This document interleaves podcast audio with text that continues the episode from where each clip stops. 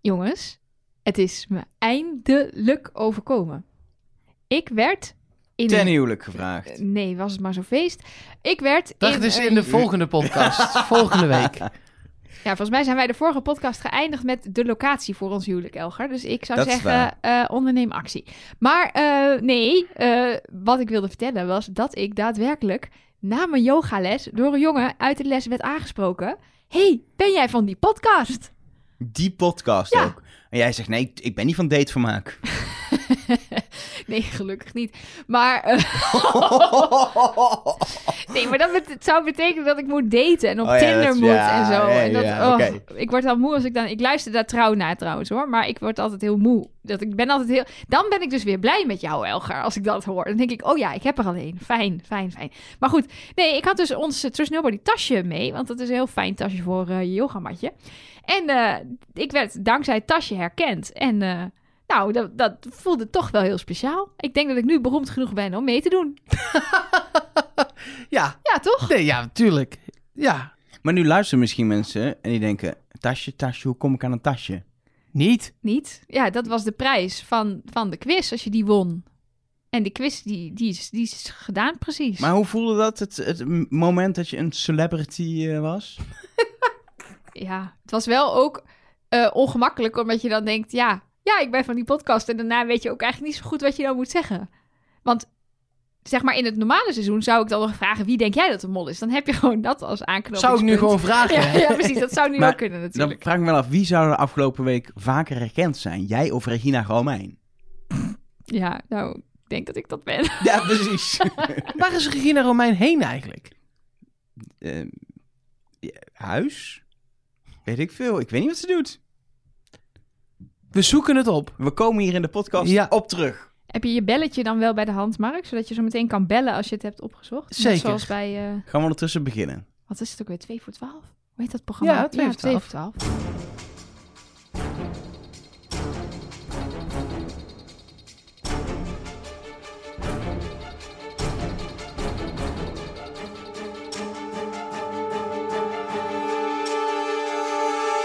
Hallo en welkom bij Trust Nobody, de podcast over seizoen 8 van Wie is de Mol?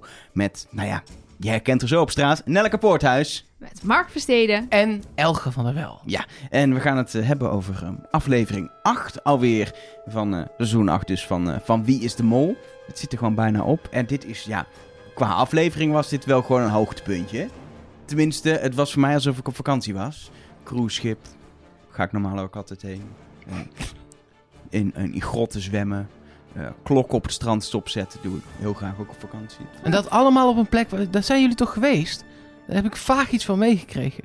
Ja, en daar hadden we het vorige keer over. Zeker dat Tulum, eh, waar ze zijn, ook op het strand. Eh, ja, wij zijn op dat strand geweest en dan was het inderdaad donker. Zoals je ook op tv hebt kunnen zien. Het was nooit licht. Nou, bij ons viel de stroom ook uit Ja. in heel Tulum. Dus toen was het extra donker, kan ik je vertellen. Maar eh, nee, het is echt... Tulum is wel, als je zeg maar paradijs op aarde eh, probeert te omschrijven... dan komt Tulum eh, redelijk in de buurt. Het is, Het is wel echt sinds ja. 2008 wel echt een beetje toeristischer geworden. Dus zo ongerept als je het daar ziet is het eh, helaas niet meer. Sommige stukjes misschien nog wel. Die grotten Maar- bijvoorbeeld. Ja, die grotten, dat zijn eh, cenotes noemen ze dat in het Spaans. Dat zijn inderdaad onderwatergrotten. Die zitten daar overal. Dus dat hele land is een soort van poreus. En de zee stroomt steeds naar binnen daar in die grotten bij hoogwater. En bij laagwater kan je er dan eh, zwemmen en duiken. hebben wij ook gedaan. En het allerengste vond ik, dit was allemaal nog zwembaar. Maar ze doen daar dus ook grotduiken. Dus dan ga je echt zo diep de aarde in. Dat je echt meters en meters echt gewoon helemaal onder water zit. Ik kreeg echt claustrofobie toen ik die duikers voorbij zag komen. En echt een uur later pas weer terug zag komen. Dus eh, we hebben daar wel eh, gesnorkeld. Maar eh, dat er in ieder geval altijd nog ademhaalruimte was. Dat Ja, vond ik wel precies. fijn. En wat, wat wel echt serieus leuk is als je daar op vakantie bent, je, je duikt dus in zo'n eh eh, cenote onder water. En ik had net, voor het eerst ging ik met een snorkel en een bril ging ik dat proberen. En ik ga dus onder water en ik doe mijn ogen, ik had denk ik toch mijn ogen dicht had gedaan, ondanks dat ik bril. Ik doe mijn ogen open en ik zie, nou, wat zal het zijn? Vijf centimeter? Vijf centimeter, zo'n schildpad voor mijn neus. Want die zwemmen daar gewoon. Ja, Dat is echt je doet je handen een centimeter of 40 uit elkaar. Ja, Een flinke schildpad. ja. Dat was wel heel leuk, maar ik schrok wel. Ja, dat snap ik. Maar dat is wel heel leuk. Dat je kan tussen de vissen en de schildpadden in die grotten. Dat zag je natuurlijk nu. Er waren alleen maar een paar, eh, paar speelkaarten in het water. Maar er zitten heel veel dieren in die eh, grotten. Heel bijzonder. eh. alleen ik vraag me altijd af hoe goed het is voor die beesten. Dat er heel veel toeristen in gaan zwemmen. Ja, Maar- ik wou net zeggen, wij mochten ook officieel geen eh, zonnebrandcrème op. Maar dat hadden we natuurlijk 's ochtends ons dan helemaal mee ingesmeerd. Dus dat geprobeerd af te douchen. Maar ja, elke dag zwemmen daar honderden toeristen tussen die beesten. Dus het goed is, eh, dat is wel een beetje Ik heb in ieder geval wel na deze aflevering echt zin om überhaupt... Of hoeft niet per se naar Mexico, maar gewoon op vakantie naar het buitenland. Mooie, ongerepte natuur, bijzondere plekken die je in Nederland niet hebt. Ik heb er wel heel veel zin in weer. En Ja. juist zeker na afgelopen voorjaar, zeg maar, extra.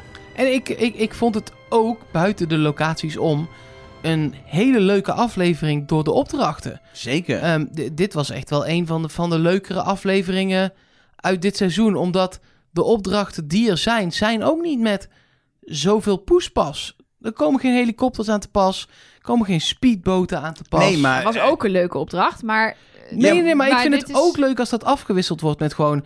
Ik heb hier twee plastic flessen en een, en een emmer. Ja, ik, Succes. Ik vind dat ook, ook echt altijd toffe opdrachten. Omdat het ook... Ja, ze moeten fucking eh, vier uur lang... moeten ze daar op dat strand eh, zich zien te redden. Ja, dat, dat is gewoon leuk. Maar even hoor. Toegang regelen tot een cruiseboot om daar vrij te kunnen rondlopen en geld te kunnen vinden. Is inderdaad niet een speedboot, maar is wel Productietechnisch is dat wel... productietechnisch eh, eh, lekker geregeld, zou ik maar zeggen. Zeker. Ben je wel eens, ik vind je wel een type wat een keer op cruise gaat. Ooit wel, maar nog niet gedaan. Nog, niet, nog toch te jong voor. Ja, Maar dat is wel, ik zie jou wel op zo'n cruiseboot. lekker toch? S'avonds even een kaartje leggen in het casino. Ja, hoor. en, eh, lekker eten, een beetje zwemmen, een beetje... Maar dat, is, dat klinkt gewoon toch alsof iedereen dat leuk vindt.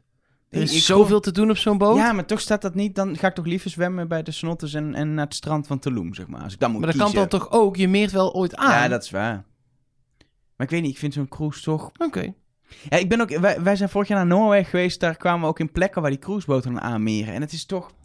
Er komt dan zo'n zo'n horde mensen die allemaal hetzelfde gaan doen in zo'n kustplaatsje. Dat is het een beetje. Het is allemaal zo, ja, en ik zo hou... cliché toeristisch. Ik, ik wil alles zelf beslissen. Dus ik wil zelf beslissen hoe lang ik ergens blijf, wanneer ik ergens aanmeer, wat ik daar doe. En dat, dat staat me dan tegen van, eh, van zo'n cruiseboot. Dat je dan gewoon... eh, ik kan me voorstellen, voor sommige mensen is het juist heerlijk. Je Ja, ik zou het heerlijk en vinden en ik hoef niet meer na te en- denken. Nee, precies. Ik wil juist plannen en plannen maken en die dan weer veranderen en eh, zelf bepalen.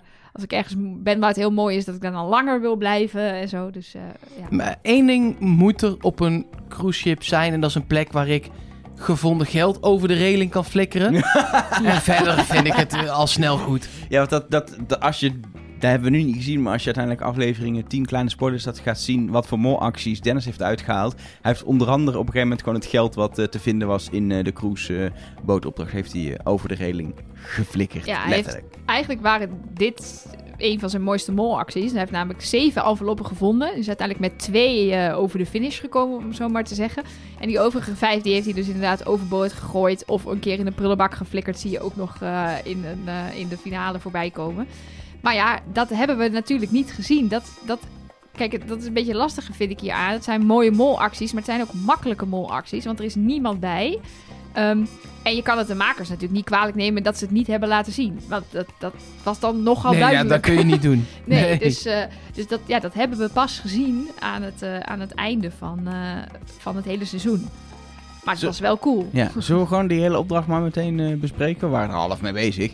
Ehm, er was in totaal 2400 euro te verdienen. Volgens mij allemaal eh coupures van 100 euro eh, verdeeld over het schip. En ze hadden dus elkaars kaarten. Dat maakt Nee, er was, er was nog veel meer te verdienen. Er was, nog, eh, er was 2400 euro te verdienen, omdat er nog maar twee mensen in het spel waren. Ah. Eh, Nee. Jawel, dat zei hij volgens mij. Nee, hij zei er waren nog 12 opties en in totaal was er 2400. Oh ja, sorry. Dus zij hadden ook 12 opties en er waren het 24 opties en die waren Ja. allemaal 100 euro ja, dat waard. klinkt veel logischer. Ja, sorry. En ehm, eh, ik denk als kijker is je hele aandacht is gegaan naar Regina en Patrick.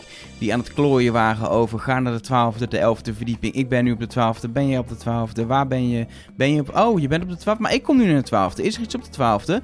Oh, maar op mijn kaart staat geld op de twaalfde. Maar je mag niet op je eigen verdieping pakken. Dus moet ik naar de twaalfde. Ga jij dan naar de elfde? Maar dan komen we elkaar tegen. Waar ben je dan op de twaalfde? Nou, ik weet nu dat. hoe Edo zich voelde. Dit hoort Edo dus over die porto, terwijl hij gewoon alleen heel even Dennis wil spreken. Ja, En daar komt het niet tussen. en ik weet... Oh. Mag, kan, ik- Oké, laat maar. Ja, precies. Oh, wat En uiteindelijk gaat het nog mis. Oh, dat is misschien nog wel het erge. Dan communiceer je zoveel. En dan gaat het nog steeds mis. En dan ook roepen, bukken, bukken, als je elkaar ziet. Ja. Zo, zo werkt het niet. Dat is niet hoe het is. Als je nu bukt, heb ik je niet gezien of zo. Wat? Ja, Maar dat, eh, ja, de, alle aandacht gaat naar Patrick en, eh, en Regina in die, in die opdracht. Waardoor ook wat Dennis überhaupt eh, doet, ja, die lijkt de meest enthousiasme en fanatieke kandidaat. Want Edo is natuurlijk weer een beetje aan het Edoen, zou ik maar zeggen. ja, die gaat dan wel inderdaad stilzitten. Ja. De eerste 20 minuten. Geeft Met de schuld, ja, geeft de schuld aan, eh, aan de mensen die oh, de, de porto bezet houden. Nou ja, aan de andere kant, het is ook veilig. Want als hij was gaan rondlopen zonder doel, dan had hij iemand tegen kunnen komen. Maar Dennis laat zich wel zien als de energieke, enthousiaste kandidaat die door dat casino rent en eh, overal aan het zoeken is. En alle laders van de slotmachines heeft onderzocht. Ja. Dat is vast Mag- niet waar, maar dat maakt niet uit. Ja. Op een gegeven moment gaat hij wel echt op jacht bij de jongens in het bubbelbad. In plaats van zelf erin te springen en aan de bodem te voelen, vraagt hij even vriendelijk of er iets op de bodem geplakt zit. Je zou maar in het bubbelbad zitten en er komt een man naar je toe, een Nederlander ook nog. Zo'n lekkere, denk- lekkere Nederlands toerist, zeg maar. En die vraagt, eh, ligt er iets op de bodem van het bubbelbad? Ik denk ook dat ik dit als molactie heb gezien toen. Omdat hij dus... Er werd zo duidelijk ingezoomd op die envelop achter die boei... die hij dan zogenaamd niet zag. ja, ja. En dat hij dan echt... Oh shit, die jongens hebben toch helaas dat, die envelop gevonden. Maar eigenlijk altijd als er zo'n shot in zit... in Wie is de Mol... dat er ingezoomd wordt op iets dat ze voorbij lopen... dan is het eigenlijk nooit een molactie. Volgens mij kunnen we dat gewoon nu als, als Nee, dat niet leidraad... Ja, nee, leidraad mag. Ja. soort van... Als ze het zo duidelijk in beeld brengen... Ja, ik weet het niet. Misschien is het ook gewoon omdat het vaak gebeurt bij niet de mol dan bij de mol. Ja, precies. Nou, ik, ik, ik denk bijvoorbeeld aan Chris Segers, die ooit uit een bootje sprong en op de, eh, zeg maar, eh, de, de, de aanlegstijger zat gewoon een envelop geplakt en hij rent een of andere oerwoud in en heeft Ja. het hele oerwoud doorzocht en niet de envelop gevonden. Was hij, maar, was hij er maar gebleven? Had hij nooit moltalk kunnen doen? Oh, dat is zielig. Maar dat vind ik toch leuk. Houd ook een reisprogramma's. Gewoon in dat oerwoud een beetje Chris Segers te zijn. Genieten. Had hij gewoon kunnen doen. Anyway, we hebben het over een opdracht waarin bleven geld gewoon verstandig verdienen. stil. Ja, nee, Ja, verstandig goed. Geen commentaar. Ehm, uiteindelijk ehm, zijn het Regina en Patrick die ja, niks ophalen, want die liggen uit het spel. Eh, eh, Edo pakt eh, uiteindelijk drie eh, eh, gelddingetjes. Dennis, Enveloppen heten die dingen. enveloppen, sorry. Dennis, ja, twee, maar had er zeven, maar twee die we, die, die dan ook houdt. En dan moeten ze nog in hun kamers terecht zien te komen. Ehm, wat natuurlijk ook nog een, een, een kans was geweest voor Dennis om het te verpesten. Ja, maar die 200 euro ga je dan...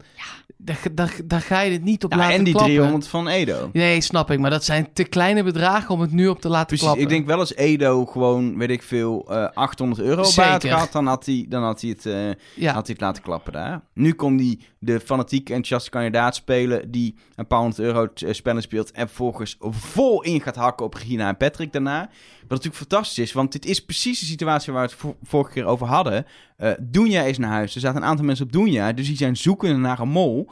Als mol dan eigenlijk nog steeds hartstikke hard mollen, maar volgens ook de verdenking op anderen kunnen afschuiven, is perfect. Ja, nee, maar dus- daar had ik het in de vorige podcast toch over. Ik zei eigenlijk, hij versterkt het beeld van die fanatieke kandidaat juist. Twee keer nu, door deze opdracht te laten slagen.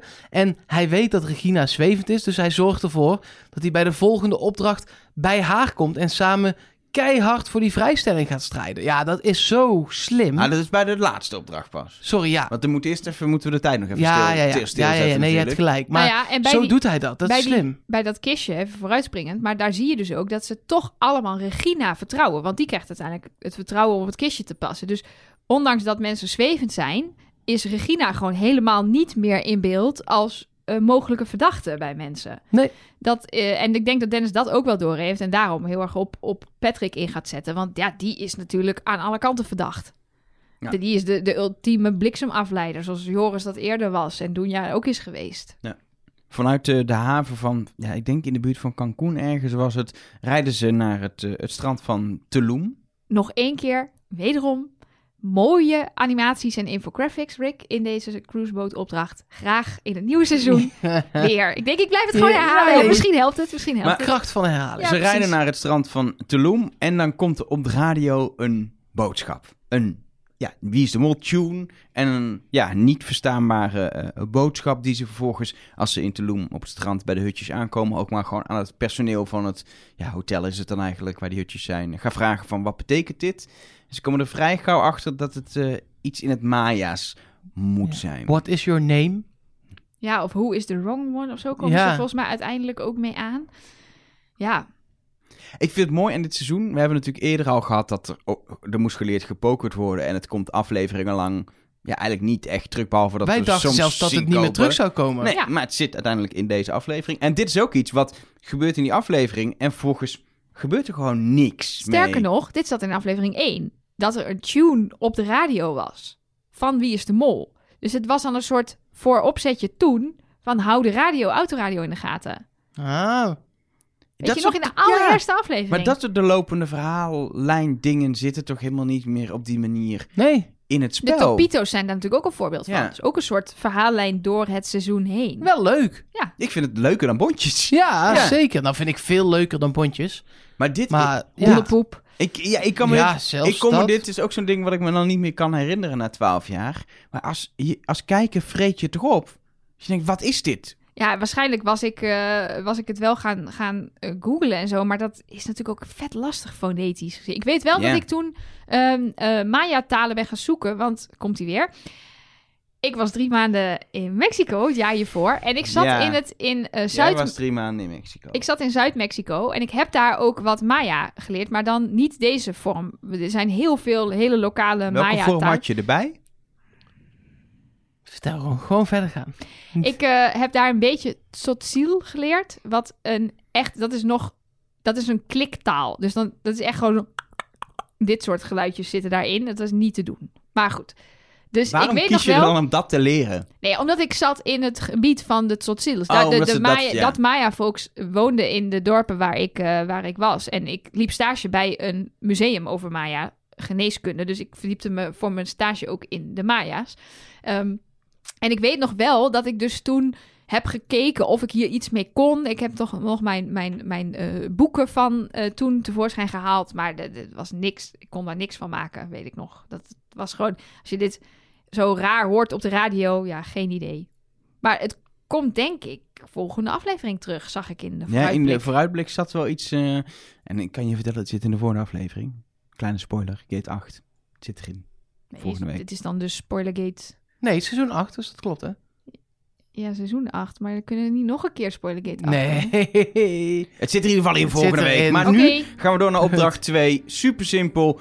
Zet de klok stil om middernacht en verdien 3000 euro. Hoe lastig kan een opdracht zijn? Want je weet, deze gaat mis. Dit, is zo'n opdracht waarvan je al weet... als ik geld moet inzetten, lukt het of niet? Dan zet je alles op. Het lukt niet. Dit is ook echt moeilijk. Ja, het is super Je moeilijk. had bij Love Letters eh, al die, die kussen, dat was een minuut of 30 seconden of zo. Ja, een minuut volgens mij, toch? En dan moest je eh, elkaar, als je, zodra je dan losliet met, met lippen, dan ging de tijd op stil. En als het dan precies was, dan kreeg je dit. En als het dan een, een halve seconde ernaast zat, kreeg je dit. En dat lukte echt al, ja, niemand. Maar het is niet zo moeilijk, want dit wel hoor, maar dan... Oké, laten we het dan even gaan testen. kijk, nee, ik, ga, ik, ik doe wel eens bootcamps bij mijn sportschool. En een van onze trainers die doet altijd het spel dat we allemaal moeten planken. Dan moeten we tot 60 tellen eh, binnen 60 seconden, dus een minuut. En hoeveel seconden we ernaast zetten, zoveel burpees moeten we doen. En dan komen we eigenlijk altijd uit op twee of drie seconden ernaast. Dus hoeven we maar twee of drie burpees te doen. Dat wil ik gaan testen. Heb je een wachtmuziekje? Heb ik een wachtmuziekje? Ja. Ik kan dit namelijk helemaal niet. Ik ga nu gewoon de, de... Ik zet de stopwatch aan. En dan moet jij na een minuut stop zeggen. Oké. 3, 2, 1, start.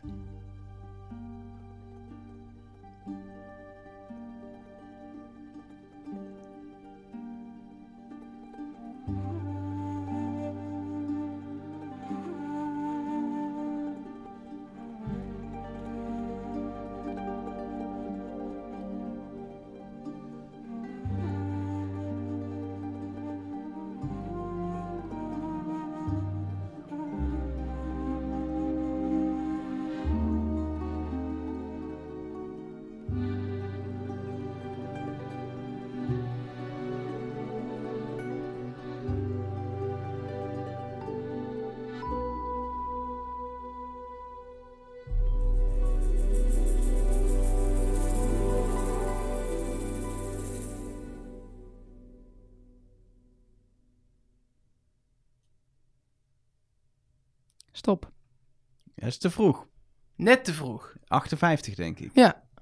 Ja, zie je, zo moeilijk is het niet. Twee seconden ernaast, ja. Maar dat, dit ging dan wel over uren. Ja, nee, ik bedoel ook niet deze opdracht Nee, nee, was nee, heel nee, nee. ingewikkeld. Ik Nee, ga- nee, nee, dit zeker. had ik niet van kwart over acht tot middernacht volgehouden hoor, jongens. Eén. Nee. Twee, drie, Ja, precies. vier, Maar- 7421. We hebben nu wel echt een minuut van onze luisteraars hun leven afgepakt wat ze echt Ja, niet ik denk dus dat iedereen mee heeft gedaan. Ja, maar dan ben je, denk je, oh, dat is te vroeg, denk je dan. Of, huh, nu al? Want het was inderdaad te vroeg. Dus je had niet echt, je kon niet Anderhalf echt seconde te vroeg is niet echt. Dat is, Nee. nee. Dat is gewoon knap. Vind ik wel knap. Dankjewel. Maar Het is iets anders inderdaad dan 7 over 1, terwijl het middernacht moet zijn. ja.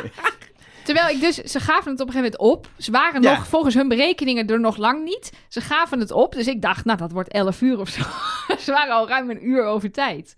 Mooi Ja. hoe dat gaat. Hè? Ja, uren vervliegen ook als je gewoon een beetje gaat zitten kletsen. En, eh, Ja, en een beetje handelen ze met die, met die eh, flessen. En, en ja, je hebt, het zit in het pikken donker, je hebt verder niks te doen. Ja, met dan- zeewater ook. Dus dat zout gaat in dat gaatje zitten. Waardoor er steeds minder water tegelijk doorheen kan. Waardoor het veel langer duurt. Maar was er een manier... Kijk, ze probeerden het eerst met zand en dat lukte ook niet. Want het was allemaal, begon allemaal te klonteren en dat werd modder, modder want die flessen waren nat. Dus Nee, er was geen...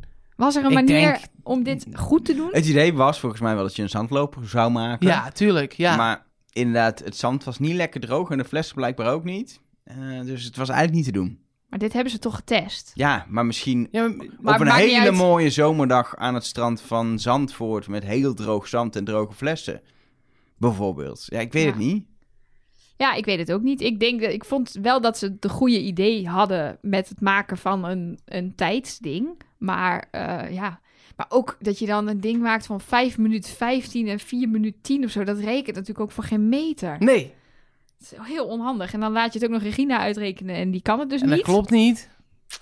Ja, Uiteindelijk in ieder geval gaan ze laat naar bed. Dat is één. En twee, ze verdienen niks. En de pot blijft staan op eh 15.875 euro. zou er zo'n opdracht er tegenwoordig nog in kunnen zitten? Of is dit... voor- Graag. Ja, maar denk het je niet gebeurt dat... te weinig. Ja, maar denk je dat ze het niet doen omdat de BN'ers geen zin meer hebben om vier uur in Interesseert het me donker... niet. Nee, mij ook niet. Maar Doe het. Je merkt inderdaad wel dat alle opdrachten moeten nu altijd binnen... binnen nou, als er een, een keer een opdracht van anderhalf uur in zit, is het extreem lang, het zeg is altijd maar. een kwartier de tijd of zo. Of 20 minuten. Ja, Ja. 50 kilometer fietsen. Eh, inderdaad, de hele nacht. eh, Ondertussen achter allen. op de fiets een zandloper bouwen en de tijd bijhouden. Voor mij, maar het mag ook. Dit was gewoon. Tent opzetten. Production value van deze opdracht was een houten kist, een wekker en twee plastic flessen. Doe het! Waarom moet het allemaal zo moeilijk? Ja, ik ben ook niet. voor. Ja, ik ben ik ook ben voor. ook voor. Eh, de volgende opdracht kostte iets meer eh, moeite. Want eh, ja, er moesten vlaggen worden geregeld. En twee stokken kaarten. Dat is toch duurder dan twee plastic flessen. Maar eh, ook weer vlaggen. En ze, ze En moesten kaarten. een grot graven en, eh, En daar zeewater, liters zeewater ja, en al die stalactieten vormen. is niet makkelijk. Wel gewoon... Als je weet dat het Dennis is... is- vind ik deze opdracht echt fantastisch om naar te kijken. Omdat hij er gewoon vol voor gaat. Hij zegt gewoon... Het is een grot. Gewoon meteen. Ja. Zonder nadenken. Ja, want hij kon er gewoon vol voor gaan in deze opdracht als mol. Juist. Ja, Ga maar gewoon voor die vrijstelling. Eh, pak hem maar. En weet je, het punt was, daar hebben we het dadelijk wel over, maar hij kan natuurlijk pokeren. Zorg ook dat die vrijstelling behouden blijft. En je hebt gewoon het spel gespeeld in deze. Hij kon gewoon Ja, vol dat gaan. is altijd qua analyse het lastige zodra er een vrijstelling in het spel komt. Ja. Want eigenlijk heeft de mol niks aan een vrijstelling. Ehm, dus doet de mol zoals elke andere kandidaat. Ja, maar er was Want hier ook... ja, ieder- maar ik maar ben... er was hier ook geld te verdienen. Ja, daarom klopt. was dit een hele eerlijke opdracht voor de kijker. Omdat er tegenover 3000 euro stond, waar je als mol gewoon echt niet wil dat het gebeurt. eh, dat het erin komt. Dus was het een eerlijkere opdracht, vond ik, dan als er alleen een vrijstelling te verdienen is. Want dan kun je zeggen, ja, het maakt me niet uit, dan mag ook wel iemand anders, want het, het, het, het maakt niet uit. Maar hier wil je dat hij zeker niet naar, eh, dat het zeker niet afgepakt wordt, dat hij echt naar eh, het liefst hemzelf of anders Regina zou gaan. Maar Ja. dat, Ik vond deze ook wel lastig te scoren qua punten. Ehm, ik heb tot nu toe eigenlijk alleen Edo minpunten gegeven. Omdat hij dus geld... Ik heb het gewoon heel sec bekeken. Wie speelt er geld in de pot? Edo. Maar ik heb niet pluspunten aan Regina en Dennis gegeven. Omdat zij voor de vrijstelling speelden. Snap want ik. dat is niet per se een molactie. Want dat doen ze allebei. De mol en, de, en een kandidaat. Dus- En wat doet dat met, met, met de cijfers dan? Nou, er gebeurt deze aflevering iets bijzonders met de cijfers. Tot nu toe heeft ehm, Dennis eigenlijk een voorsprong gekregen helemaal aan het begin met die zes punten. Die zes punten houdt hij eigenlijk de hele tijd vast. Dus de voorsprong wordt steeds kleiner. Ik vertelde de vorige aflevering al dat Regina uit de min is gegaan. Ja, toen stonden ze 6, 2, 2, 2. Ja, precies. En hoe Ehm, meer punten, hoe waarschijnlijk het is dat mol. eh, Ja, je de mol bent. Precies. Dus, maar Dennis scoort deze aflevering minpunten. Dus zakt naar 4. Terwijl Regina nog weer twee pluspunten scoort. En stijgt naar 4. Dus de minst verdachte het hele seizoen staat nu ineens gelijk met de mol. Edo staat wel op min 3 inmiddels. Dus die is nu eigenlijk echt wel afgeschreven. Dus ja, of, dit systeem nou werkt Ik zit, me, uiteindelijk. ik zit me uiteindelijk ook steeds meer te bedenken dat ik uiteindelijk toch richting die finale Regina ben gaan denken. Volgens ja, mij daar ben ik. nu mee. Nee, volgens mij ben ik de finale ingegaan met Regina als verdachte uiteindelijk. Ik Ja. heb Dennis in ieder geval nooit verdacht. Dat is wat ik me nog herinner. Wij maar ik- allemaal niet. Nee, maar volgens mij Misschien ik zo'n beetje. Ik denk dat ik uiteindelijk op... Ja, het is zo lang geleden, 12 jaar, dat ik dat gewoon niet meer zo goed weet. Maar hoe, hoe meer ik die acties nu zie, hoe meer ik denk... Ja, volgens mij ging ik Regina verdenken. In ieder geval, ehm, uiteindelijk in deze opdracht ehm, eh, lukt het ehm, Regina en Dennis om ja, snel die eh, eh, kaarten te vinden, relatief snel. Onder meer ook omdat ze eerder de grot in zijn, echt vijf minuten eerder. Ja, Wat en- ik niet helemaal snap, want als je op een gegeven moment hun weg ziet rennen, reden toch achteraan.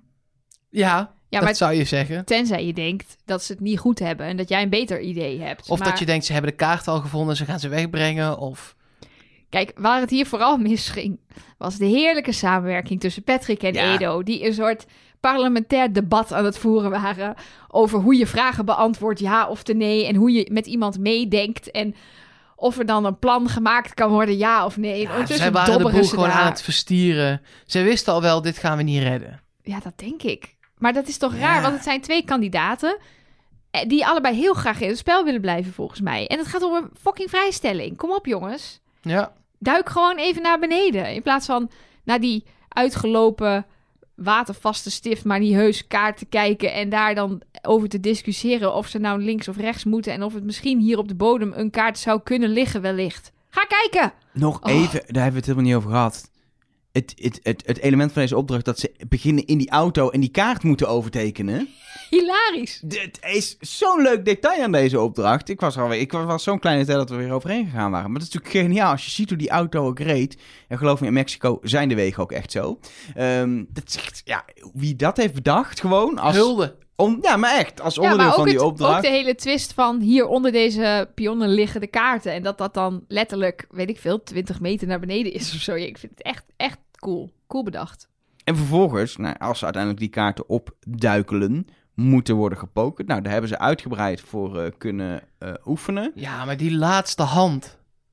Ja, het was alle, het gaat, dit hele spel daarvoor was gewoon een beetje we spelen. En alles gaat om die laatste hand. Maar, Ja. ja. maar wa- ja, ik, ik vind... Ja, nou, oké.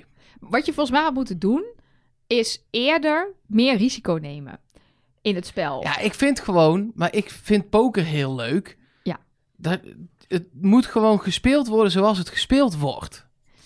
Ja, maar Dennis had wel een punt. Ik, ik vind pokeren namelijk ook heel leuk. En ik heb het ook vaak gedaan met mensen die ik het dan zelf heb geleerd. Wat bij Dennis dus ook het geval was, bijvoorbeeld bij Patrick.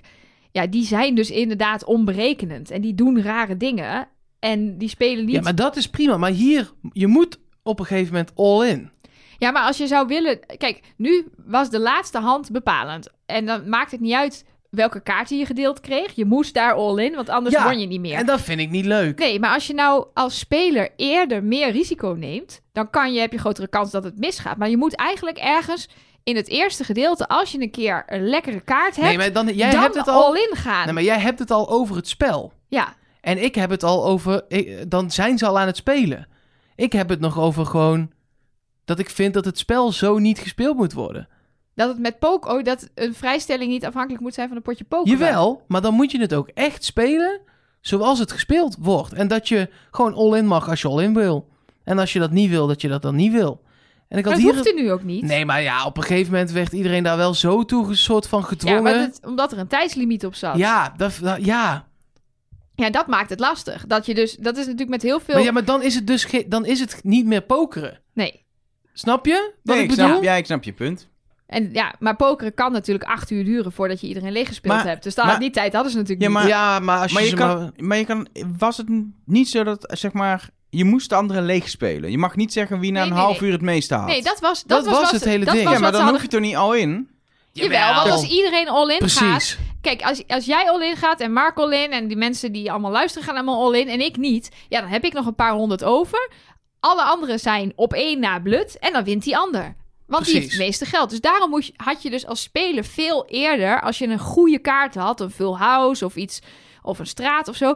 dan had je eigenlijk al all-in moeten gaan. Zodat je op dat moment degene bent met verreweg het meeste geld... en dan kan je de rest ondertussen een beetje aan het lijntje houden. En dan wisselden er nog een paar honderdjes... maar dan ben jij degene met, met het meeste geld. Maar ja, dat bedenk ik nu, twaalf jaar later, achter mijn laptop. Maar... Snap je? Maar dat maakt het met die tijdslimiet, zorgt het ervoor dat je wat je tot het laatste potje doet, maakt niet zoveel uit. En Ja. dat is jammer. Dat is jammer.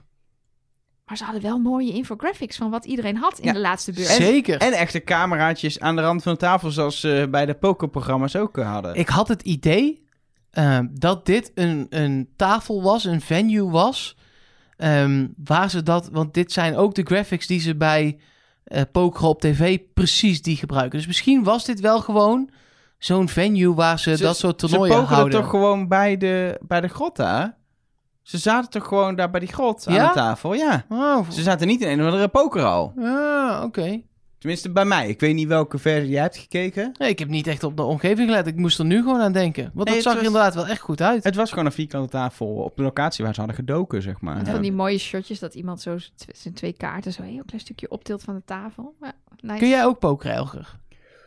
Ik, kan ik, po- ik ken de regels van het pokeren. Ik heb Elgar acht jaar geleden voor Sinterklaas kerst een pokerset gegeven. Nooit gebruikt. Ik heb vroeger wel gepokerd, tien jaar geleden mijn studententijd. was Maar ik ben, ik, ben, ik ben wel, ik speel een beetje als Patrick, zeg maar. Ja, Dat is niet leuk. dat is niet... Nee. Nee. Dat wilde ik niet zeggen, Ik word maar namelijk- dat is niet dat leuk. is het punt met eh, pokeren, maar dat heb ik ook met spellen als... Dat is niet te vergelijken. En ik beledig nu vast pokerspelers ook, maar bijvoorbeeld ook met Risk. Ik word heel ongeduldig heel snel. En dan ga ik gewoon... Ja, dan moet je dat niet gaan dan spelen. ga ik gewoon dingen doen die gewoon roekeloos Maar zijn. ben je dan ook iemand die zo... Dan ga je Als gewoon je- met heel Oostenrijk ga je proberen Nou, Afrika te precies. veroveren. Ja, ja. Ja. ja. Ja. Nou, maar ben je dan ook zo iemand die als je Monopoly of Monopoly voor de fijnproevers, je hoeft niet te mailen. Het is allebei prima. Ehm, dat je dan eh, op een gegeven moment na een rondje of zes zegt, nou dan gaan we nu de straten verdelen. Ja, Oh, nee, nee. jawel. Eh, Wij deden dat thuis nooit, maar bij jouw familie is het op een gegeven moment... hé, hey, deze straten zijn nog over, wie wil welke Nee, hebben? Wel nee. Helemaal niet. Het enige wat wij doen is zelf onderling eh, ruilhandel. Ik oh heb ja, dat ook, ja. Ik wil, ik wil, de, eh, ik wil de Beeldstraat eh, en de A-Kerkhof ruilen tegen de Ja, Kalverstraat. dat doen wij ook. Ja, Maar wat erbij is, als, als mensen geen geduld hebben... Want het idee is gewoon dat je gewoon doorspeelt... en als de kaartjes nog niet in het spel zijn... ja, dan zijn ze nog niet in nee, het spel. precies. Prima. Nee, dat is prima. Ja, maar ik hoor net dat ze er bij jou... Ja, volgens mij heb ik Bij, dat mijn, eens- bij mijn familie wordt meestal heel Rotterdam werd überhaupt door niemand gewoon gekocht. Er kwamen mensen op en niemand dacht Rotterdam koop ik, want die is hartstikke duur. Ja, als iemand op een gegeven moment de Kalverstraat had en heel veel geld had, ging hij nog een keer Rotterdam kopen. Ja, ik, ik, ik hoef niks in Amsterdam te hebben, maar eh, dat is puur persoonlijk. dat is puur persoonlijk. Zit Eindhoven in? Nee, het zit helemaal Nee. niet in een eh monopolie. Nee, ja, wat moeten wij voor straten daar... eh? Straat op straat, Oh, dat zou kunnen. straat is eind. Ja, per biertje 10. De markt. Die zit er al in in Groningen, geloof ik, of zo. Ja. En ehm, wat, wat, de, hoe heet dat? De Vestdijk. Kan ook. De PSV-laan. is er een PSV-laan? Dat is het straat waar het stadion aan ligt. Fellenoord. Dat kent echt niemand. Dat Ik- ken jij omdat je er af en toe komt. Ja. Maar het is toch, het is in De Eindhoven. Kennedy-laan. ja, nou, maar je daar best... staan niet echt huizen. Ja, ja, maar, maar je kun je er gewoon hotel neerzetten, maakt er niet uit. Je kunt daar vooral flitspalen neerzetten. dat is echt één lange weg van, ik denk, een kilometer of zeven. En op die zeven kilometer staan gewoon 14 flitspalen. Zo komt Eindhoven zijn geld. Ja, zeker. Ja, ik heb zeg maar gemeentebelasting en dan eh, afvalbelasting en ziektekosten en Kennedylaanbelasting. Je kan ook gewoon de wettelijke toegestane maximale snelheid aanhouden. dat kun je ook doen. Ja. Dat kun je ook Dat doen. kun je ook doen. Maar dan ben je later op plekken. True. ik ben altijd al te laat. Ik wou net zeggen, jij bent elke keer als wij een podcast opnemen, ben jij zo net even 10 minuten te laat. Ja. En er is met boetes op de Kennedylaan dus. Nou, ik ben nu iets voorzichtiger gaan rijden, ook omdat je overal 100 mag. Ehm, en eh, op één hele dikke boete na toen ik het niet door had, valt het wel mee de laatste tijd. Fijn. Maar ben nog wel steeds te laat. In ieder geval, uiteindelijk tot... eh, oh, we gaan even terug naar het programma. Oh, ja, ja. Ja. Wie is de Eh, ja. Tot onvrede van eh, Dennis eh, ja, lukt het niet dat Regina eh, of hij de vrijstelling pakt. En ja, daardoor, doordat uiteindelijk eh, eh, Patrick eh, wint, toch? Nee? Edo wint. ja, dat is dus ook... Dat, Edo wint. Edo wint. Met Dat ging, drieën. dat ging dus ook mis. Want iedereen riep, oh, Patrick wint. En ik dacht, maar Edo heeft two pairs met drieën en hij met tweeën. Dus Edo wint. En gelukkig had Edo het zelf ook door. Dat Nee. weet ik niet hoor. Jawel, want het is, Ja, op beeld wel. of hij dat echt had. Ja, ik moest, ik- het voelde voor mij echt heel erg alsof dat ingefluisterd werd. Echt waar? Ja. Voor jullie oh, niet? dat Edo zelf niet doorhad dat hij had gewonnen? Ja. Maar- oh, ik dacht dat je bedoelde dat, dit, dat hij die kaarten niet had. Dat het, Jawel. dat dit nee, gemanipuleerd maar dat is. het bijna klaar was en dat iedereen Patrick eigenlijk... De, de uitkomst was hetzelfde geweest. ja, dus precies. het Het ma- maakt niet niks uit. Maar, eh, en dat iemand nog zei... Eh, ja, maar Edo- het is Edo, hebt- jij. Je hebt drieën. Dus eh, je, Je hebt gewonnen. Ja, het zou kunnen dat er een oplettende cameraman denkt... eh, wacht even, Ja. dit klopt niet. Het levert in ieder geval eh 3000 euro op. En ik denk dat dit de, voor de mol, Dennis, die groot pokeraar is, echt de meest pijnlijke... Ja, maar dit is geen is. poker. Dit kun je hem echt niet kwalijk nemen. Nee. Nee, maar, maar dat, dat maakt, het niet ook. minder, dat Dat- maakt het niet minder pijnlijk voor hem. Maar dat zag je in die biecht ook wel. En dat konden ze prima laten zien. Want hij kon ook gewoon als kandidaat balen van het feit dat hij geen vrijstelling had gewonnen. Maar dat hij inderdaad echt gefrustreerd was over hoe dit ging. En ook dat, dat het ook lastig te spelen was met Patrick, die de helft van de tijd niet weet wat hij doet. En dan maar. En maar Raised als je wel fold. tegen dat, want ik, ik heb heel veel gepokerd vroeger met vrienden. En ook als je maar op de lange termijn gaan dat soort onvoorspelbare spelers uiteindelijk toch een keer de boot in. Ja, maar niet in een half uur. Maar niet in een half uur. Nee. Of een uur, wat was het? Ik weet niet eens. Nee, maar, ja, ook niet. nee. Maar wel over. Oh, eh, als je naar de, de, de, de, het WK, het officieuze WK poker kijkt. Er, er is altijd wel één underdog, maar aan de finale tafel zitten ook altijd gewoon negen profs. Want Ja. als je het gewoon heel lang doet, die zijn daar gewoon heel goed in, in die kansberekening. Dus die komen altijd bovendrijven. En het zijn de mensen met geduld die inderdaad Ja. heel veel folden of checken. Weg, weg, en gewoon weg, soms weg, een weg. dag lang niks doen. Ja. Want zo'n WK duurt een week. Ja, en dat, dat is inderdaad wel het frustrerende eraan. Elke keer als je kutkaarten krijgt, dat je denkt, Moet je ik weer. ga het toch proberen, want ik Ja, verveel dat me. moet je dan Maar niet dat- doen. Nee, precies. Maar Acht- goed, genoeg over poker. Vertel, 18.000 hoeveel zit er in de pot, Ja. Elge van der Wel? 18.875 Zo, euro. dat is echt veel. all in in de pot. Ehm, en wat ik dan toch even wil zeggen, los van het geldbedrag, eh, we moeten natuurlijk nog test en executie doen. Maar dit was zo'n lekkere aflevering vlak voor de finale qua opdrachten, maar ook qua spel. Ook omdat het kan ook zijn dat iedereen de mol in het vizier heeft. Dan wa- was het echt een aflevering, andere aflevering geweest. Maar het was zo lekker. De opdrachten waren goed. Eh, je kan heel veel nog in vergelijking met drie kandidaten, met vier kandidaten. En ze hebben er alles uitgehaald. Ehm, wel een echt ja, hoogtepuntje van dit seizoen, deze aflevering. Maar ook, de test en executie gaat ook weer voor de makers. Echt Ja. heerlijk, want iedereen zit op Patrick. En Patrick gaat naar huis, dus iedereen is weer in shock. Lekker. Lekker toch? Ja, dit is echt... Ja, we, we zijn het niet voor niks terug aan het kijken. Het is echt een leuk seizoen. Ja, iedereen eh, inderdaad op Patrick, Patrick naar huis. En opnieuw moet iedereen dus gaan zoeken naar een mol in de volgende aflevering. Ja, en ik zei het de vorige aflevering al. Hier gaat Regina dus de boot in. Want ze geeft, ze geeft letterlijk toe dat ze 10 tot 15 vragen ingevuld heeft op Patrick. En de rest op Edo. Ja, en, en Patrick gaat naar huis en niet zij. Dus, dus die trekt gewoon de conclusie. Nou, dan is het Edo-punt. Volgende week zien we of wie ze inzet als mol. Maar misschien heb je al een voorgevoel.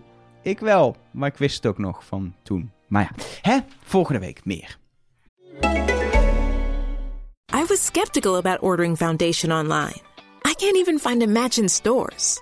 Then I discovered Il Makiage. Their online quiz found my exact shade in seconds. With Try Before You Buy, you can try your full size shade at home free for 14 days. But I was obsessed on day one. It's so lightweight and natural, it's literally my skin in a bottle. Take the quiz at ilmakiage.com slash quiz. That's I-L-M-A-K-I-A-G-E E dot com slash quiz. Maar voordat we naar de aflevering van volgende week gaan kijken... want dat doen we, ja, de naam zegt het al een beetje... volgende week. Oh, werkt dat zo? Ja, zo werkt dat. Maar het is heel raar, want het staat gewoon ja, weet ik. online allemaal. Ja, Dus waarom, waarom staan niet er alle komt pod- er één per week online. Ja, maar de afleveringen van tv, zeg maar, zijn allemaal online. Ja, maar waarom? waarom moeten wij tien keer anderhalf uur op één dag opnemen? Dat is wel veel. Hadden we wel gewoon vakantie gehad nu. In plaats van dat we nog steeds de halve zomer aan podcasten zijn. Ik denk wel dat aflevering 10 dan onnavolgbaar melig en, en bizar was geweest. Zeker. Want eh, mocht je het nog niet helemaal door hebben gekregen, we gaan nu eh, jouw berichtjes behandelen die jij naar ons hebt opgestuurd. Eh, maar wij nemen aflevering 8 op dezelfde dag op als aflevering 7. Dus mocht je in de afgelopen week bijvoorbeeld patron zijn geworden, eh, dan ga je je naam volgende week horen. Nou. Want het gaat in blokken van... Hè? Ik heb wel één naam die ik wil delen. Oh, oké. Bij de patrons. nou doe maar. Want Elge van der Wel is eh patron geworden. Nou, Dus dat is toch leuk? Dan kan ik die even noemen. Elge van der Wel. Elge van der Wel. Oké. Oké. Met tijd, Wat, wat leuk. dat, jij. denk ik. Ja. Nou ja, iemand die Elge van der Wel heet. Jij. Ja, ik moest iets verzinnen. Oh, oké. Oké. We gaan. Eh, we moeten door. Ja, Eh, wat zeg je? Ja, nee, Ja, zeker. Zo, we moeten door. Ehm, want mocht je patron zijn geworden, dan eh, krijg je wel ook... Of je hebt het al, dat zou ook kunnen. Dat ligt een beetje aan wanneer wij dingen op hebben gestuurd.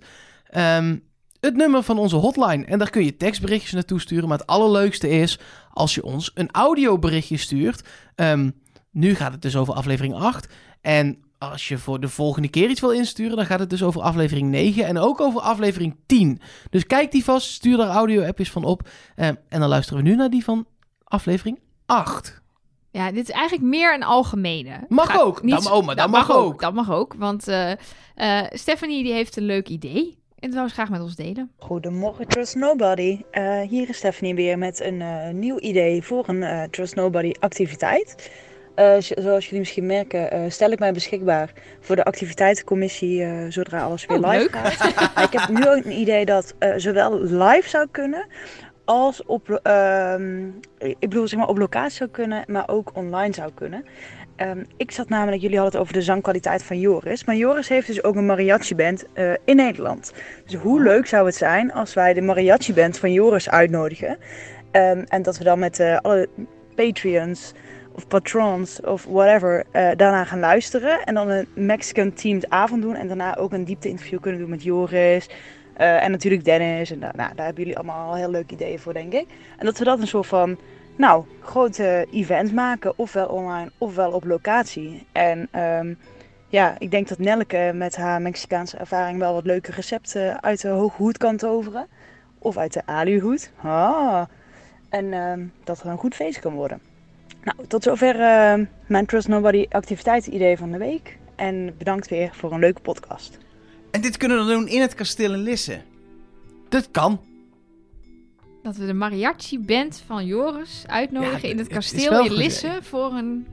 Nou, Concept. ik heb één probleem met dit idee. Nou, Ik kook niet. Dus eh, eh, Mexicaanse recepten... Dan bestellen we Mexicaans. Ja, precies. Ik weet nog wel een goede Mexicaan in Utrecht. Komt goed. Maar nu lijkt het wel alsof we het na- beloven. En dat Nee. is zeker niet nee, zo, nee, toch? nee, nee. Ik vind het wel een, een geinig idee. Maar eh, ja, ik weet helemaal niet hoe haalbaar dit is. Hoe duur is de mariachi-band van Joris Linsen? Zit hij daar zelf überhaupt op te ja, wachten? geen idee. Ehm, maar is, is nu het ding... Zegt ze- zegt ze nu...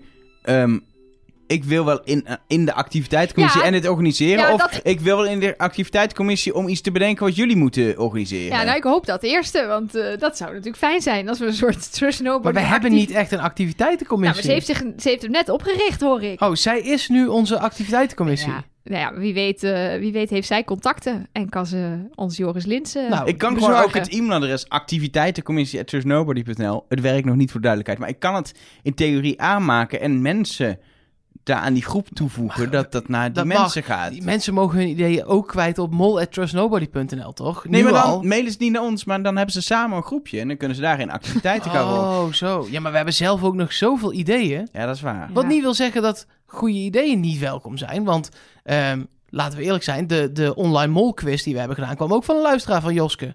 Precies. Ja, dus het is niet zo dat we er nooit gehoor aan zullen geven. Nee, onze luisteraars hebben juist heel veel goede ja, ideeën. precies. Ik denk dat het, het samen kijken is toch ook ooit ontstaan doordat luisteraars zeiden: hey, kunnen we niet met z'n allen Wie is de Mol gaan kijken? Ja, Ja, aan de andere kant is het nog steeds met de coronamaatregelen nog wel lastig om dit nu specifiek te organiseren, denk nou ja, ik. ze heeft het natuurlijk ook over dat je het online zou kunnen kijken. Dan zou het een soort livestream worden. Maar dat vind ik dan weer zo. Ja, Ik Dat wil zo graag weer bij elkaar. Ja, ja. precies. En dat is natuurlijk ook waarom wij die quiz zo leuk vonden. Dat je toch een soort van die mensen ziet. We hadden van die molquiz ook een livestream kunnen maken. Die iedereen kon kijken. En Ja, met, met de mensen thuis, Thuis zelf kon- meedoen. Maar dan, dan hebben wij natuurlijk geen contact met die Dat mensen. vinden we juist leuk. Precies. Want maar dan we krijgen we heel veel in, berichtjes. eh, in overweging oh, nemen. Sorry, Nee, is sorry, oké. ik praat er door je heen. Ja, en ik door jou. Dat gebeurt soms. Wat zei jij? Ik zei dat we het in overweging zullen nemen. En ik zei, want als we met luisteraars in contact komen, is dat heel leuk. Kijk maar, want ik heb ook nog heel veel berichtjes. Vertel. Goed bruggetje, hè? Ja. Prachtig. Eh, Anne, die stuurt bijvoorbeeld een eh, foto via de hotline. Ehm, haar bakfiets is gestolen. En eh, daar heeft ze aangifte van moeten doen. En eh, ja, god, het klein geluk eh, is voor haar vervelend. Maar ze was er zelf ook blij mee. Ze heeft ons genoemd in de aangifte. Hoezo? Ja, niet omdat wij de fiets hebben gejat. Ja, ik wou net Nee, zeggen, ik ben omdat onschuldig. Je, omdat je dieven niet moet vertrouwen. Ook, dat ook. Maar ehm zij had op haar Baboe bakfiets een eh, sticker zitten van Trust Nobody. dus mocht je een uh, Baboe bakfiets zien met een Trust Nobody sticker eh, erop. eh, en die is, eh, er zit geen Anne op.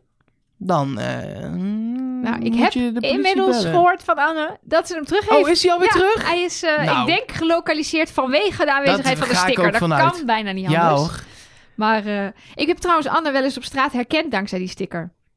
Echt? Dat is echt waar. Oh, ja, ja, ja. leuk. Dat ik, ik fietste inderdaad een keer door Utrecht. En toen kwam er iemand voorbij met een Trust Nobody sticker op haar bakfiets. Dus ik, als je ooit in Utrecht iemand op een bouwbakfiets met een Trust Nobody sticker zit, dan is het dus wel Anne. En dan moet je wat Anne roepen. Hetzelfde dat- als je bij de yoga iemand tegenkomt met een, met een Trust Nobody tasje, dan is het Nelke. En dan roep je dat Nelke. Moet je zou, is er een kans dat het Mark is? Met een Trust Nobody tasje bij de yoga? Mag ik bij de yoga? Denk ik niet. Mm, Nee.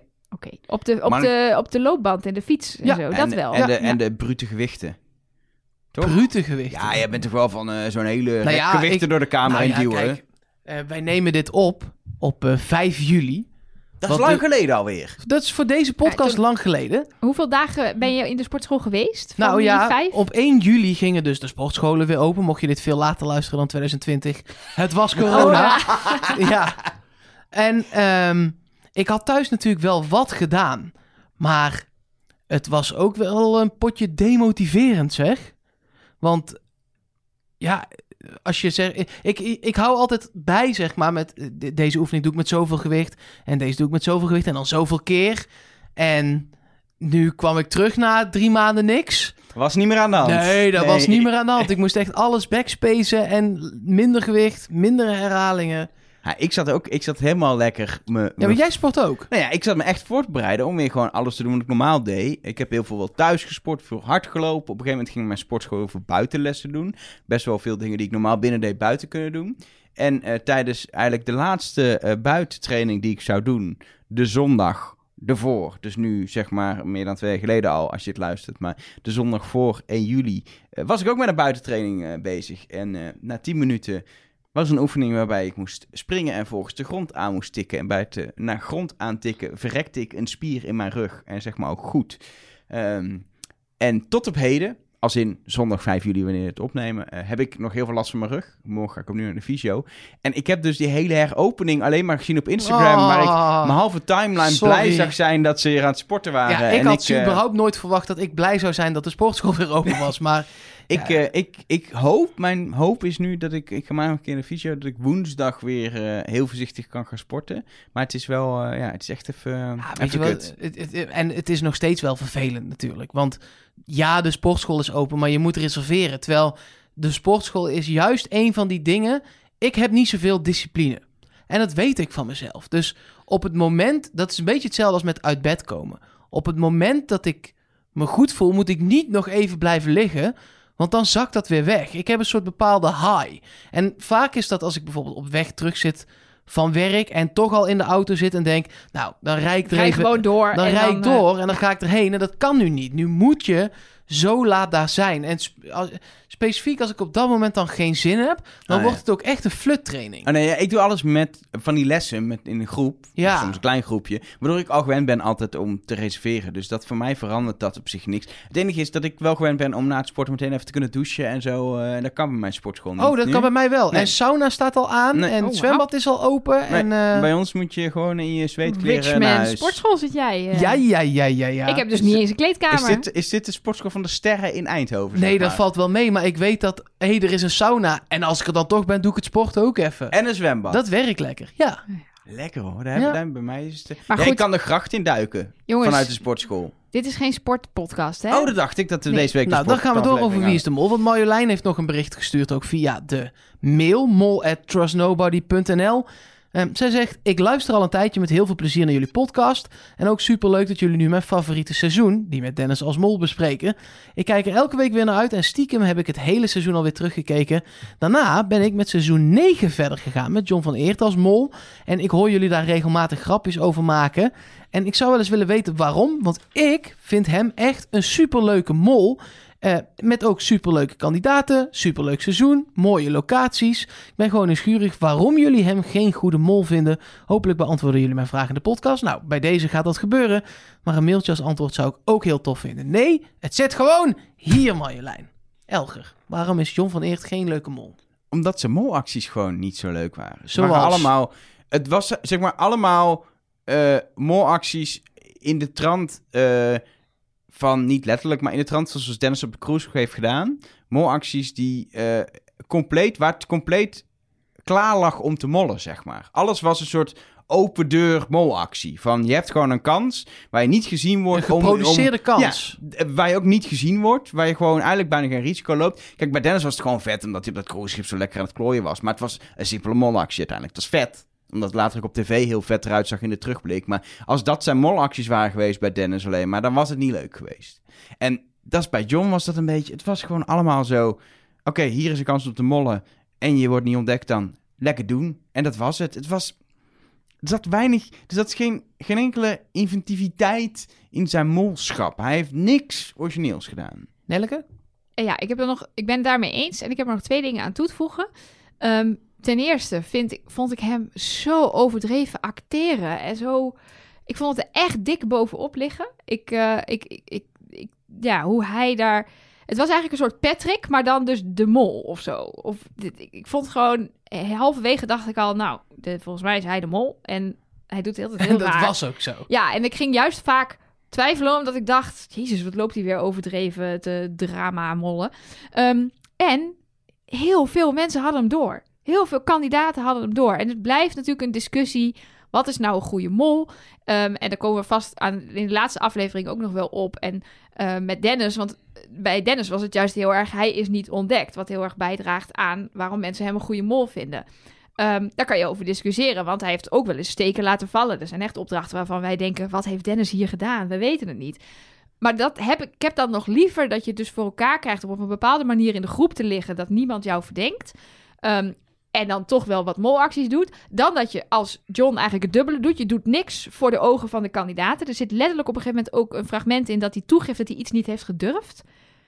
Plus, wel iedereen heeft door dat je de mol bent. Ja, dan heb je het in mijn ogen niet goed gedaan. Nee, ik wil daar nog één positief punt aan toevoegen van dat seizoen. Ehm, eh, want ik vond het heel leuk dat eh, zij verhuizen halverwege dat seizoen op een gegeven moment Ja. naar eh, Jordanië.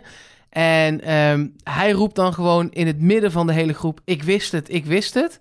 Ehm, en dat is, eh, heb ik nooit ontdekt en dat vond ik wel heel cool. Ja, en ik vond wel, ik ben het wel met haar eens. Het was een mooi seizoen. Ik bedoel, Noord-Ierland is prachtig. Oh, ja. Jordanië is prachtig. Maar dat is natuurlijk hetzelfde met IJsland en Annemarie Jong. Ik vond IJsland fantastisch. Ik vond het Huftihuis briljante opdracht. Maar ja, helaas ben ik niet zo tevreden over de mol. Laatste berichtje, en dat gaan we ook richting jouw eh, complottheorie. Want dat berichtje is van Alex. Ook eh, via eh, de site is dat ingestuurd. En ehm, nou ja, hij vroeg zich eigenlijk af: weten jullie dat jullie hier staan? En eh, dan gaat het over. Ik heb het er even bij. Ik weet oh ja, niet ik wou net zeggen, hier ben, ik zie een linkje in het, dat is een, mailtje. het is een linkje. En het gaat om The Theorist. Ehm, Misschien moeten we deze site niet per se extra aandacht geven, toch? Oh, oké. Of wel? Dan niet. Nou, ik weet niet Dan wat was het is. dat. Wat, wat, Nee. waar- nee. Maar, maar, Het, het is een site over complottheorieën. en daar staan wij op. Ja, Oké. kijk. Met foto en Hey, alles. dat is onze aluhoedjesfoto. Ja. Maar er staat boven, dystopisch en verontrustend. Big tech censuur gooit samenzweringsgekkies en echte wetenschappers op één hoop. Wat heeft dat met ons te maken? Ja, geen idee. Maar- Ik vind het wel een goede foto. Ja, dat is een briljante foto, maar ehm, eh, dit is, kunnen we niet even hier een claimpje naartoe sturen? Want Nou het ja, is, ik heb het artikel dus heel even snel doorgescrolld. Ehm, en wij komen er in principe niet echt in voor. Nee, maar dit is gewoon iemand die heeft gezocht op aluhoedje. Ja, Want waarschijnlijk heet die foto aluhoedje.jpg. En die heeft dat gewoon van onze site geplukt. ja. Nou ja, Staan wel, eh. Onder ons staat een eh, artikel eh, mei 2020 complothypothese deel 2 met een Illuminati-oog. oh ja, met dat staat driehoek. net onder ons. En eh, net boven ons staat eh, een plaatje van eh, ehm, groene wolfmensen. Oh, dat is weer een nieuwe, daar heb ik nog nooit over. Groene wolf, mensen. Ja, Oké, ik ga me er eens even Maar het zijn mensen die wat verder kijken dan NPO, NOS en RTL. Maar Ja, Elger. jij denkt dat, dat hij gewoon heeft gegoogeld op alihoedje en dat hij daardoor opkwam. Dat is een logische verklaring. Maar hier kan natuurlijk ook een complottheorie achter zitten dat wij nu op die site zijn gekomen. Wat bedoel je dan zijn precies? wij stiekem onderdeel van de groep mensen die de werkelijke orde van de wereld aan het ontmaskeren zijn met onze podcast? Ik heb even op aluhoedje gegoogeld en op afbeeldingen geklikt. Wij zijn afbeelding nummer 12 op de tweede rij. Nou, dan is jouw verklaring is gewoon logisch. En ons logo staat er gewoon heel groot Ja. op, hè? Mensen van die site. Ja. Ehm, maar wat gaan we hier aan doen? Gewoon even, even mailen dat het eraf moet, want ik... eh, Ik hoef niet per se geassocieerd worden met mijn hoofd met een complottheorie. Dit ga je er toch niet afkrijgen. over groene wolf mensen. Oh nee, dat was het artikel erboven. Nou ja, bijzonder. Maar ehm, ik ben wel heel benieuwd, van wie was het mailtje ook alweer? Van Alex. Alex, hoe heb je dit gevonden? Dat is echt een goede vraag. Goeie vraag, Alex. Ben jij van deze website of lees jij deze website dagelijks? Ik ben nou heel benieuwd. Nu gaan we dus eigenlijk het beeld bevestigen door in het aluhoedjesblok toch nog een complottheorie te doen. Ja. Misschien moeten we hem dan maar overslaan. Of heb je een hele leuke? Want, eh, want we gaan nu we gaan zeggen, je moet ons eraf halen, want we hebben daar niks mee te maken. Oh, trouwens, hier is een complot. Maar over het algemeen is toch wel te horen dat we daar niet in geloven. Vooral Elger is altijd lekker sceptisch, toch? Nou, Paul McCartney is zeker wel dood. Oké, nou. eh is ook de enige ik heb, die ik ik heb deze week, Ik heb deze week een, eh, een redelijk simpele. We hebben natuurlijk Oh, eh ingewikkeld... Die, die van de, de Oh, fantoomtijd. van twee weken geleden, die fantoomtijdtheorie. Ik lig er nog wakker van. Ja, precies. En, eh, en die, die, die platte aarde, dat was natuurlijk ook eh, op het randje van... eh, En Finland die niet bestaat. Ja, was ook ingewikkeld. Je Nee, hebt ik nu heb... gewoon de theorie dat sportscholen eigenlijk alleen maar bestaan om mensen die niet sporten geld te laten betalen, toch? Ja. Ja, dat is toch een businessmodel? Dat Oh is ja, toch dat geen geen complottheorie? Nee, mijn complottheorie is namelijk... ehm, kennen jullie eh, Throwback Thursday? Zeker. Kan je even aan onze luisteraars uitleggen wat het is? Nou, Throwback Thursday is eh, ja, vaak eh, op bijvoorbeeld Instagram of social media een, een, ja, een, een, een noemer, een paraplu, om daaronder een ja, oud fotootje of een oud berichtje, vaak is het fotootje of een oud filmpje, te delen ja, uit het verleden. Dat doe je dan op donderdag, omdat je dan een throwback doet naar het verleden, heet dat Throwback Thursday. Ja, mooi uitgelegd, eh, meneer Van der Wel. Ehm, ja, dat is natuurlijk heel leuk. En dat eh, is natuurlijk eh, eh, ontstaan door, door, door mensen die denken... oh, ik wil wat oude foto's delen of wat leuk, ik wil even terugblikken. Ja. Maar dat is natuurlijk niet zo. Die hashtag, want dat wordt voornamelijk ook gehashtagd met de hashtag Throwback Thursday... die is gestart door de NSC. Uiteraard. Mhm. Want dan konden ze zien welke mensen ook in het verleden al hebben bestaan. Ja, ja, even checken of iedereen wel in het verleden ook bestond. Nee, kijk, ehm, Edward Snowden, die kennen we wel, Die kennen hè? we Die eh, heeft heel Dat is veel... geen complottheorie, Nee. die heeft gewoon echt dingen blootgelegd. Die heeft heel veel gelekt van wat er bij de NSC allemaal niet echt helemaal hij heeft dat naar buiten gebracht. Ja, hij, heeft dat, hij Ja, was de ja, ja. klokkenluider die daarover eh, eh, eh, heeft... Van de Notre Dame.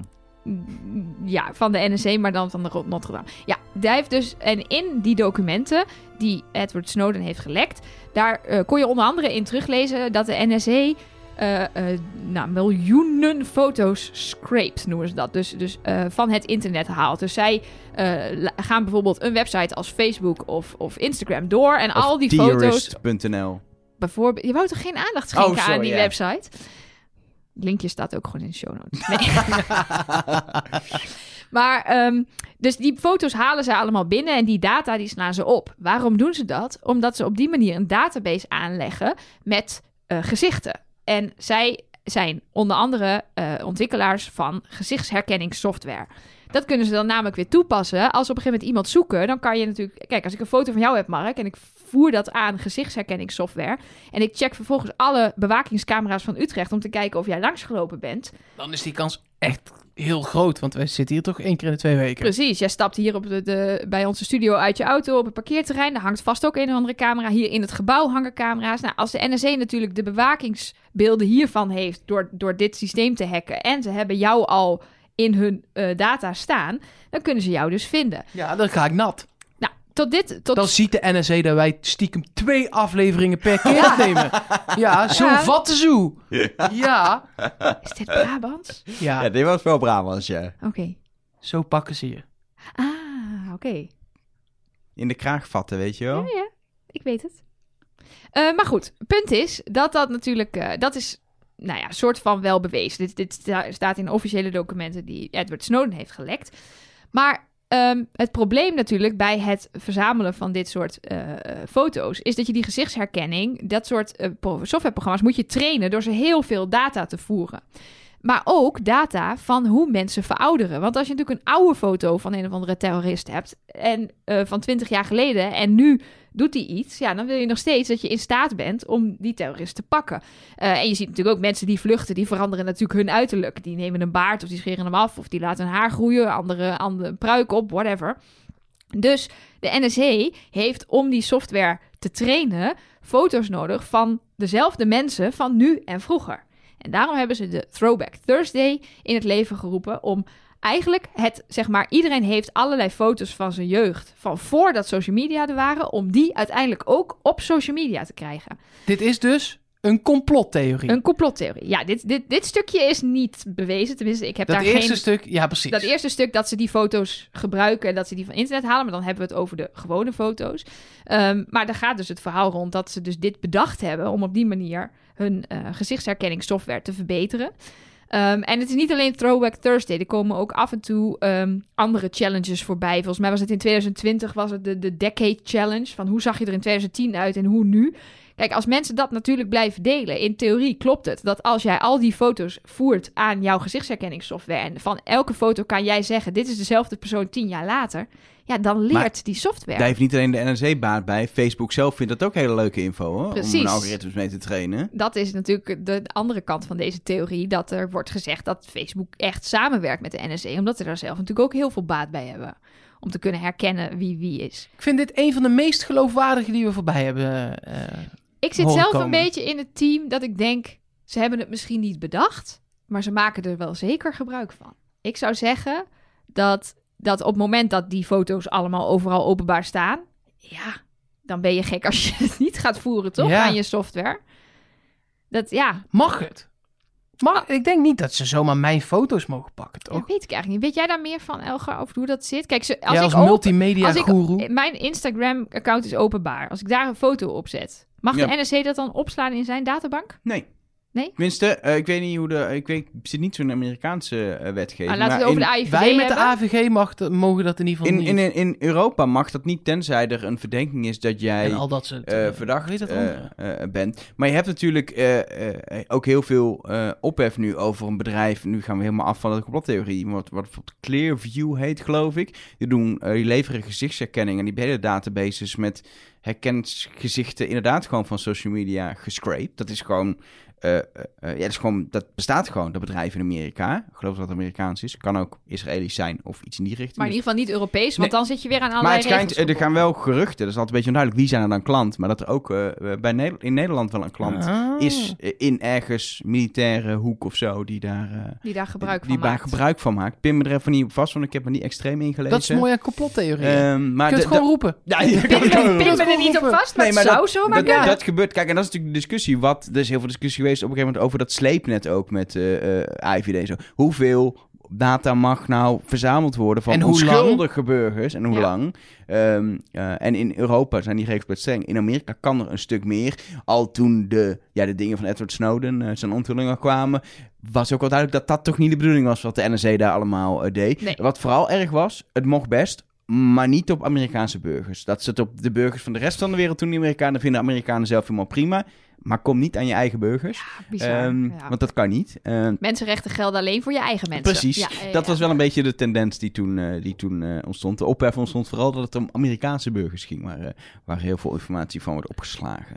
Heb jij nou ook geen privacy? Ja. Stuur dan een berichtje naar... Met een foto van tien jaar geleden en nu. ja, naar elger.trustnobody.nl.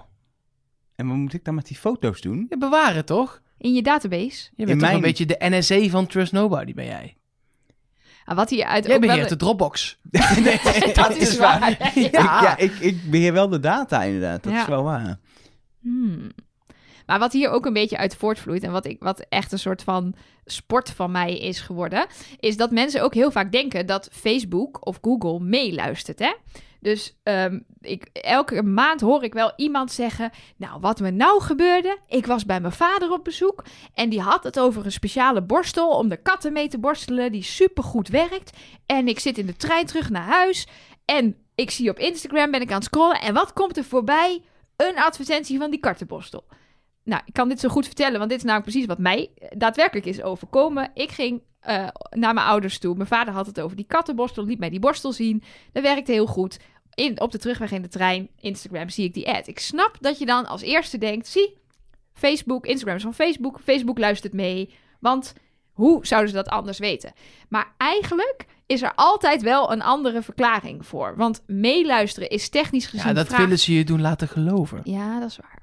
Nee, maar technisch gezien altijd meeluisteren vraagt zoveel batterij, eh, data. eh, dat kan zo'n Google Home, ja, die luistert mee. Maar ook op een soort semi-standby. Die luistert eh, toch alleen maar naar het command. En verder slaat hij niks op. Hij stuurt niks.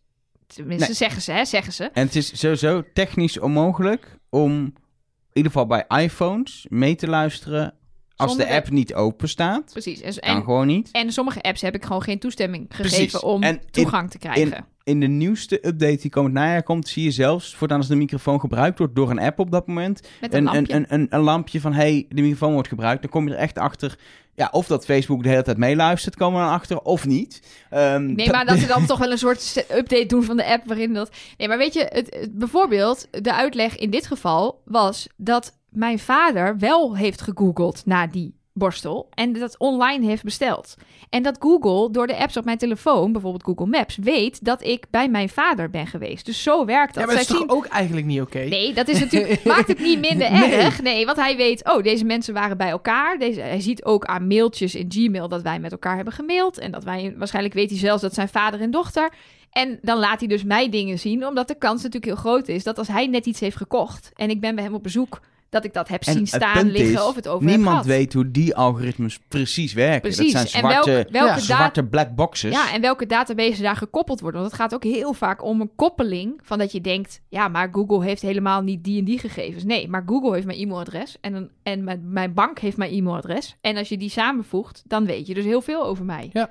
Ja, dus het is wel verontrustend, zeker. Ja, precies. Maar meeluisteren is meestal niet wat er daadwerkelijk aan de hand is. Maar om terug te komen op dit, eh, deze complottheorie. Dit zou zomaar kunnen. Ja. Is plausible. Het is, Het zou echt... het is, ja. Ja. het is in principe plausible, ja. Kijk, de- de- er zijn wel meer dingen die, die geheime diensten doen die een beetje vallen buiten, ehm, buiten wat je gewend bent. Dus je denkt vaak bijvoorbeeld bij een CIA aan eh, nou, zo'n spion en die zit dan eh, in Rusland, in Moskou en die moet dan geheimen doorgeven. Zo, ik bedoel, ja, we kijken allemaal James Bond-achtige films en daar zit natuurlijk dat soort dingen in. Eh, maar er is bijvoorbeeld ook een hele leuke podcast die heet Wind of Change. En het gaat erover dat de CIA in de Koude Oorlog het rocknummer Winds of Change van de Scorpions heeft uitgebracht. Om, om de, de, de val van de muur te bevorderen. Om mensen in het Oostblok te laten denken dat er, dat er verandering op stapel stond. En dat ze dus op dat soort manieren via populaire cultuur ook mensen beïnvloeden. Ja, dat, dat gebeurt. Het is gewoon letterlijk zo. En dat is gewoon, heeft NRC eh, laatst nog over geschreven. Ik heb een podcast over gehoord. Bijvoorbeeld Defensie heeft eh, inhuur gedaan bij eh, het moederbedrijf van Cambridge Analytica, van het Facebook-kanaal met privacy, om eh, eh, meer te leren over gedragsbeïnvloeding, het leger. Dat als ze in een ja, oorlogsgebied zijn waar de bevolking moet worden geïnvloed, hoe ze psychologisch bepaalde gedrag bij die bevolking kunnen bewerkstelligen, wat ze helpt om daar eh, meer veiligheid, dat is dan het idee, hè, dat het dan voor meer veiligheid is. Maar het gebeurt gewoon, weet je. De, de, weet je, we zijn heel gewend dat, dat, dat, dat Defensie of dat eh, zo'n geheime dienst inderdaad met spionnen en zo werkt. Maar gedragsbeïnvloeding op allerlei manieren is er wel onderdeel van. En is voer daardoor ook, deels dus echt, maar deels juist ook voer voor allerlei complottheorieën Maar natuurlijk. de, de film Argo gaat hier ook over dat ze gewoon een, een film. Dat ze net doen of ze een film op gaan nemen om een diepzeeboot op te duiken. Ik heb de film zelf niet gezien, dus ik hoop dat ik het goed uitleg. Maar dan, ze hebben gewoon Hollywood eh, regisseurs en zo daar naartoe gehaald om net te doen alsof ze een filmcrew waren. Oftewel, trust Nobody. nobody. Ah, wat mooi, Mark. En daarmee zijn we dan aan het einde gekomen van deze aflevering. Wat is dit? Mark? Dat is mijn belletje. Oh, je was nog iets aan het Ik opzoeken. was nog van helemaal aan het begin aan het opzoeken wat Regina Romein... Oh, voordat we begonnen waren met de podcast hadden we het erover natuurlijk. ja, zeker. Regina Romein. Regina Romein. Jij vroeg je af, of ik vroeg me af, dat weet ik al niet eens meer. ehm, wat zij nu eigenlijk doet. En ben je erachter gekomen? Ja, niet na, een na- soort... na ruim een uur. Nee, ja, er is niet een soort eh, ehm, eenduidig antwoord. Maar haar Twitter zegt, ze is consultant. Punt. Nou, dan is hij in ieder geval niet meer op tv en zo. Nee. Maar nee. is ze dan zeg maar consultant in de mediawereld of is ze bij KPMG in dienst gegaan? Haar hele Twitter bio is Consultant. consultant, vetman zo'n baby, open, strategie. Oké, dus ze heeft een baby gekregen, denk ik. Ja, dat sowieso. Twee al. Twee, oké. Nou, Minstens twee. Want ik zag net uit 2015 een kop. Regina Romein krijgt tweede kind. Toen was ze nog bekend genoeg om, Omdat, om de- het nieuws te krijgen. ja, dat- Ja, dat is vijf jaar na dato, dus toen was ze nog in de picture. Of is Vetman zo'n baby een programma dat ze maakt? ik heb geen idee. Het blijft een mysterie, die Regina Romein. Vorige keer kom je met een heel complottheorie over wat gebeurd is met Regina Omijn, denk ik. Ja, nou, mensen, als jullie weten wat er gebeurd is met Regina Romein, tip het me vooral. Want eh, eh, ja, die Throwback Thursday was ook weer een tip van een van onze luisteraars van Mirjam. Dus dankjewel daarvoor. Het is zelfs zo dat eh, laatst had de Volkskrant een special over complottheorieën. En dat heeft Tess, een van onze luisteraars, gewoon naar ons opgestuurd. Ah, dat vind ik lief. Dat vind ik ook lief. Is Dus, ook lief. En daar haal je dan weer nieuwe complottheorieën uit voor volgende, volgende keer, denk ja, ik, dat hè? hoop ik. Ik eh, ga het bestuderen. We hebben nog maar twee, eh, twee nodig. Dus eh, Ja, dan zit het erop voor dit seizoen. En ik denk als we in september weer het, het echte seizoen gaan bespreken, dan is het hartstikke leuk om complottheorieën te hebben. Maar ik denk niet dat we eraan toe gaan komen, want volgens mij is er dan weer genoeg te bespreken. Ja, om, dan moeten we weer oh. gaan bespreken of dat, dat die ene een aas had en die andere drie, of dat daar dan een code in zit. Dus Wat niet blijkt te zijn. nooit. Want in deze aflevering zat ook weer geen enkele hint naar de mol. Echt niet? Nee, volgende aflevering wel. Die Maya, dat Maya-gedoe, daar zitten straks weer wat leuke hintjes in. Nou, dat eh, volgende oh, week. nee, jawel. Jawel, aflevering 8 werd uitgezonden op de dag dat Dennis jarig was. Dat was een hint. Ja. Nee, echt, echt? waar, ja. Omdat 8 was een hint, weet je wel. De achtste Nee, mol. ja, snap ik. Maar dit is gewoon het uitzend. Prima. Ja, Oké, ja, is goed. Dat was niet echt een hele goede Ja. hint, maar het was wel een hint. Volgens mij is het de tijd om af te sluiten. Tot volgende week. Trust